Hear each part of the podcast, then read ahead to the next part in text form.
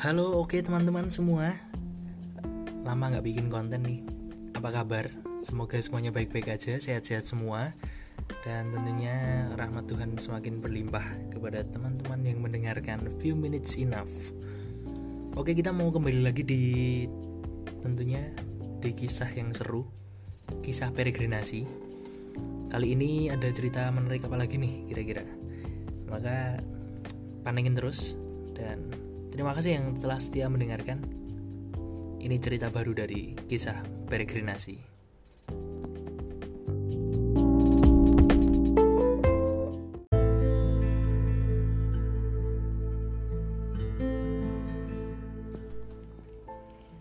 Pada waktu itu pukul 8 pagi Aku udah sampai di pasar Randu Dongkal Ya, targetku akhirnya tercapai di waktu jam 8 pagi Entah mengapa rasanya cukup puas atas secuplik pencapaian ini Situasi pasar itu waktu itu begitu ramai dan makin banyak juga yang memandang kami dengan tatapan aneh Bila aku renungkan lagi, kenapa ya orang-orang itu berlaku demikian?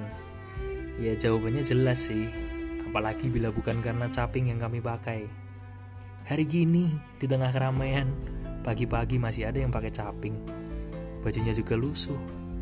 Mungkin hanya kami berdua waktu itu. Itu yang ada di benakku bahwa aku merasa begitu percaya diri. Kehidupan di pasar ternyata begitu keras. Gak jarang terdengar di telingaku tuh teriakan kernet bis yang menawarkan jasa angkutannya. Pemalang, Pemalang, Pemalang, Tegal, Tegal, Tegal, dengan suara yang khas tentunya. Ada juga yang pedagang yang rela membuang suaranya demi menarik perhatian. Sayur ibu, buah ibu, dan sebagainya. Dan akhirnya dagangan mereka bisa laku. Kurang lebih demikian suasana pasaran Dodongkal pagi itu. Begitu kerasnya kehidupan di sana. Namun ada satu pemandangan lagi yang belum kuceritakan dan menarik perhatianku karena begitu berbicara sesuatu bagiku. Ya, pemandangan yang satu ini adalah pemandangan para konsumen yang berbelanja. Apa yang menarik? Memang ini suatu pemandangan yang biasa. Mungkin bagimu biasa. Tapi bagiku ini menarik. Para pembeli di sana menyadarkanku akan intensi yang kubawa sebagai bekal perjalanan, yakni aku punya intensi untuk kesehatan bapakku.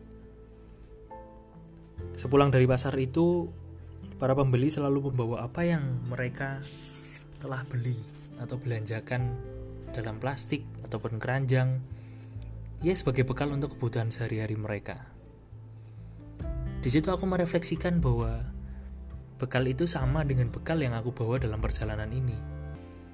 Secara tidak langsung, aku pun membawa bekal juga, walaupun gak dalam plastik dan tidak dalam keranjang. Salah satunya adalah bekal untuk kesehatan bapakku sehari-hari. Supaya dalam kondisi sakitnya yang sudah berpuluh-puluh tahun, bapak tetap semangat untuk berkarya. Ini yang jadi bekalku, yang namanya bekal spiritual. Mungkin para pembeli di sana mendapatkan suatu hal yang nyata terlihat. Tapi bekalku ini memang tidak terlihat sih. Artinya aku membawa intensi dari awal bahwa salah satu tujuan dari jalanku ini selain dalam perjalanan imamat ini aku membawa doa juga untuk kesehatan bapakku sendiri. Ya, bekalnya sederhana yakni sebuah doa dan tentunya rasa sakit ketika berjalan. Dan ini yang menjadi sebuah sarana untuk merasakan apa yang mungkin Bapak rasakan dalam sakitnya. Ya Tuhan, semoga apa yang kulakukan berkenan di hadapanmu.